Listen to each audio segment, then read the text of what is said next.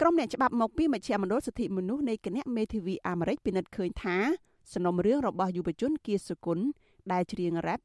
រិះគន់បញ្ហាសង្គមនេះគឺជាករណីរំលោភសិទ្ធិមនុស្សនិងបំពានទៅលើនីតិវិធី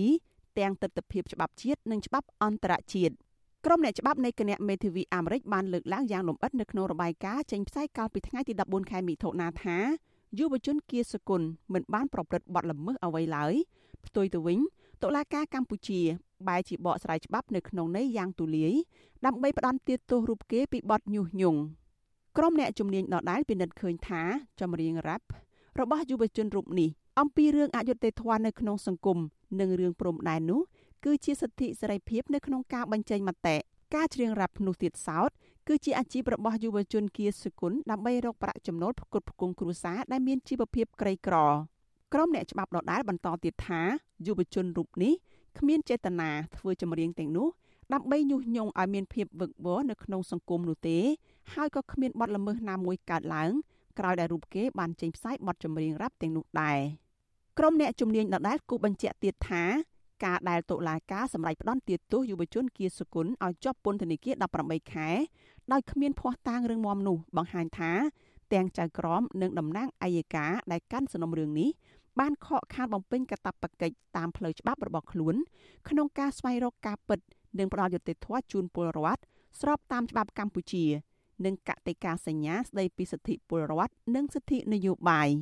ក្រុមអ្នកច្បាប់នៃគណៈមេធាវីអាមេរិកជំរុញឲ្យរដ្ឋាភិបាលកម្ពុជាដោះលែងយុវជនរូបនេះវិញ និងពិនិត្យមើលឡើងវិញ ចំពោះការប្រើប្រាស់យ៉ាងទូលំទូលាយនិងដ៏ច្រើនហួសហេតុនៃក្រមព្រហ្មទណ្ឌមាត្រា495ស្ដីពីបទញុះញង់ ដើម្បីបំបិតមាត់សកម្មជនសិទ្ធិមនុស្សសិល្បករតន្ត្រីករវ័យក្មេងព្រមទាំងសមាជិកបកប្រឆាំងឆ្លើយតបនឹងរបាយការណ៍នេះសមាជិកនិងជាអ្នកនាំពាក្យគណៈកម្មាធិការសិទ្ធិមនុស្សរបស់រដ្ឋាភិបាលលោកកតាអូនថ្លែងថាក្រុមអ្នកច្បាប់មកពីគណៈមេធាវីអាមេរិកគួរតែជួយជ្រោមជ្រែងផ្នែកច្បាប់ទៅដល់ជនជាប់ចោតជាជាងការចេញរបាយការណ៍បែបនេះ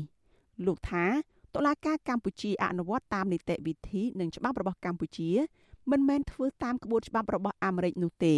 បើសិនជាគាត់មានចេតនាចង់ជួយជនជាប់ចោតនឹងពិតប្រាកដមែនគាត់មិនមែនធ្វើសេចក្តីថ្លែងការណ៍ពីចម្ងាយក្នុងចេតនានយោបាយអ្វីមួយទេគាត់គួរតែចាត់តាំងក្រុមមេធាវីឬអ្នកច្បាប់មកជួយជួយជាការប្រឹក្សាយោបល់ជួយជាការវិភាគសំណុំរឿងឬមួយក៏ជួយជាលក្ខណៈជាមេធាវីដើម្បីតតាំងក្តីនៅតុលាការហើយស្វែងរកចិត្តធម៌ជូនគាត់នេះបានហៅថាអាជីពមេធាវីផ្ទុយពីតំណាងស្ថាប័នសិទ្ធិមនុស្សរបស់រដ្ឋាភិបាល អង្គការសង្គមស៊ីវិលក្នុងស្រុកគាំទ្ររបាយការណ៍របស់ក្រុមអ្នកច្បាប់នៃគណៈមេធាវីអាមេរិកដែលបានលើកទាំងទស្សនវិជ្ជាច្បាប់កម្ពុជានិងច្បាប់អន្តរជាតិយកមកវែកញែកករណីនេះអង្គការសង្គមស៊ីវិលទាំងនោះមើលឃើញថាសំណុំរឿងព្រមត្តនប្រឆាំងនឹងយុវជនគៀសគុណគឺជាករណីរំលោភសិទ្ធិមនុស្សនិងខ្វះមូលដ្ឋានច្បាប់ដោយសារតែបែបនេះហើយទើបអង្គការសង្គមស៊ីវិលមួយចំនួនក្នុងនោះ រួមទាំងអង្គការលីកាដូផងបានផ្ដល់មេធាវី ដើម្បីជួយរកយុត្តិធម៌ឲ្យយុវជនរូបនេះនាយករងទទួលបន្ទុកផ្នែកខ្លំមើលសិទ្ធិមនុស្សនៃអង្គការលីកាដូលោកអំសំអាតយល់ស្របទៅនឹងរបាយការណ៍របស់ក្រុមអ្នកច្បាប់នៃគណៈមេធាវីអាមេរិកលោកសង្កេតឃើញថាការចាប់ឃុំខ្លួននិងផ្ដន្ទាទោសយុវជនគៀសកុលនោះគឺជាការរំលោភបំពានសិទ្ធិសេរីភាពបញ្ចេញមតិរបស់ពលរដ្ឋនិងជាការបំបាក់ស្មារតីយុវជនដែលហ៊ានរិះគន់បញ្ហាសង្គម។ ទាំងអស់ហ្នឹងវាមិនមែនជាបទល្មើសញុះញង់បង្កឲ្យមានចលាចលអីទេពីព្រោះបទចម្រៀងដែលគាត់ច្រៀងគាត់និពន្ធហ្នឹងវាយូរហើយប៉ុន្តែនៅពេលដែលស្ថានភាពនយោបាយតានតឹងហើយគេត្រូវបានអ្នកនយោបាយមួយចំនួនយកបទចម្រៀងគាត់ទៅប្រើប្រាស់បែរជាមកចោទប្រកាន់គាត់ទៅវិញណាអានឹងវាបើអំណះអំណាងផ្លូវច្បាប់វាអត់ជាការត្រឹមត្រូវទេ អញ្ញាធរខេត្តសៀមរាបបានចាប់ខ្លួនយុវជនគៀសគុណកាលពីដើមខែកញ្ញាឆ្នាំ2020ពាក់ព័ន្ធនឹងការនិពន្ធនិងច្រៀងចម្រៀងរ៉ាប់បង្ហោះតាមបណ្ដាញសង្គម YouTube និង Facebook បទចម្រៀងទាំងនោះរៀបរាប់រឿងរ៉ាវឈឺចាប់នៅក្នុងសង្គមដូចជាអំពើអយុត្តិធម៌បញ្ហាសេដ្ឋកិច្ចធ្លាក់ចុះកំណើនពលរដ្ឋធ្វើចំណាក់ស្រុក និងពលរដ្ឋក្រីក្រដើរសុំទានបញ្ហាព្រំដែនអំពើពុករលួយ និងការធ្លាក់ចុះគុណធម៌ជាដើម។ វីដេអូចម្រៀងចុងក្រោយរបស់គៀសគុណដែលមានចំណងជើងថាដីខ្មែរមានអ្នកចូលទស្សនារាប់លានដងនិងចែករំលែកយ៉ាងច្រើនតាមបណ្ដាញសង្គមតុលាការខេត្តសៀមរាបបានផ្តន្ទាទោសយុវជនរូបនេះឲ្យជាប់ពន្ធនាគារចំនួន18ខែពីបទញុះញង់ឲ្យប្រព្រឹត្តបទឧក្រិដ្ឋជាអាតតាមមាត្រា495នៃក្រមព្រហ្មទណ្ឌកាលពីចុងខែធ្នូឆ្នាំ2020 ក្រុមអ្នកច្បាប់របស់គណៈមេធាវីអាមេរិកនិងអង្គការសង្គមស៊ីវិលមួយចំនួនបានរាប់បញ្ចូលករណីរបស់យុវជនគៀសគុណនេះទៅក្នុងការបង្ក្រាបជាប្រព័ន្ធរបស់រដ្ឋាភិបាលលោកហ៊ុនសែនទៅលើអ្នកមានទស្សនៈផ្ទុយនិងអ្នករិះគន់រដ្ឋាភិបាលនេះគឺដោយសារតែនៅអំឡុងឆ្នាំ2020នោះអាញាធរបានចាប់ខ្លួនសកម្មជននយោបាយសកម្មជនសង្គមសកម្មជនបរិស្ថាន អ្នកសារព័ត៌មាន និងអ្នករិះគន់រដ្ឋាភិបាលដាក់ពន្ធនាគារជាបន្តបន្ទាប់ដោយភ្នាក់ច្រើនអាជ្ញាធរប្រើប្រាស់បទចោទតែមួយគឺបទញុះញង់គិតត្រឹមពាក់កណ្ដាលខែមិថុនាឆ្នាំ2021នេះយុវជនគៀសគុណ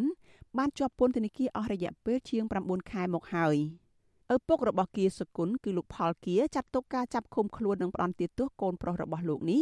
ថាជារឿងអយុត្តិធម៌ព្រោះរូបគេមិនបានប្រព្រឹត្តបទល្មើសអ្វីឡើយ។ លោកបញ្ជាក់ថាកូនប្រុសរបស់លោកនិពន្ធនឹងច្រៀងចម្រៀងរ៉ាប់បង្ហោះតាមបណ្ដាញសង្គមដើម្បីរកប្រាក់ចំណូលផ្គត់ផ្គង់គ្រួសារហើយបទចម្រៀងតែនោះគឺស្របតាមគោលគំនិតរបស់គេផ្ទាល់ការដែលកូនខ្ញុំសរសេរឬក៏រាយរាប់នៃរឿងរ៉ាវនៅក្នុងនៃបទចម្រៀងនោះគង់មិនមែនជារឿងញុះញង់ទេលោកជារឿងរ៉ាវដែលក្នុងសង្គមពិតៗឯងបើគិតទៅក្នុងច្បាប់នៃសេរីភាពក្នុងការចេញមតិនោះលោកគ្រូក៏មិនតែដល់គេដាក់បទជាយើងញុះញង់អានេះគឺជារឿងអយុត្តិធម៌មែនឯងវាមិនត្រឹមត្រូវ ស្លាឧទ្ធរខេត្តបាត់ដំបងបានបើកការជំនុំជម្រះបណ្ដឹងឧទ្ធររបស់យុវជនគៀសុគន្ធកាលពីថ្ងៃទី3ខែមិថុនារួចហើយហើយគ្រោងប្រកាសសាលដីកាសំណុំរឿងនេះនៅថ្ងៃទី16ខែមិថុនា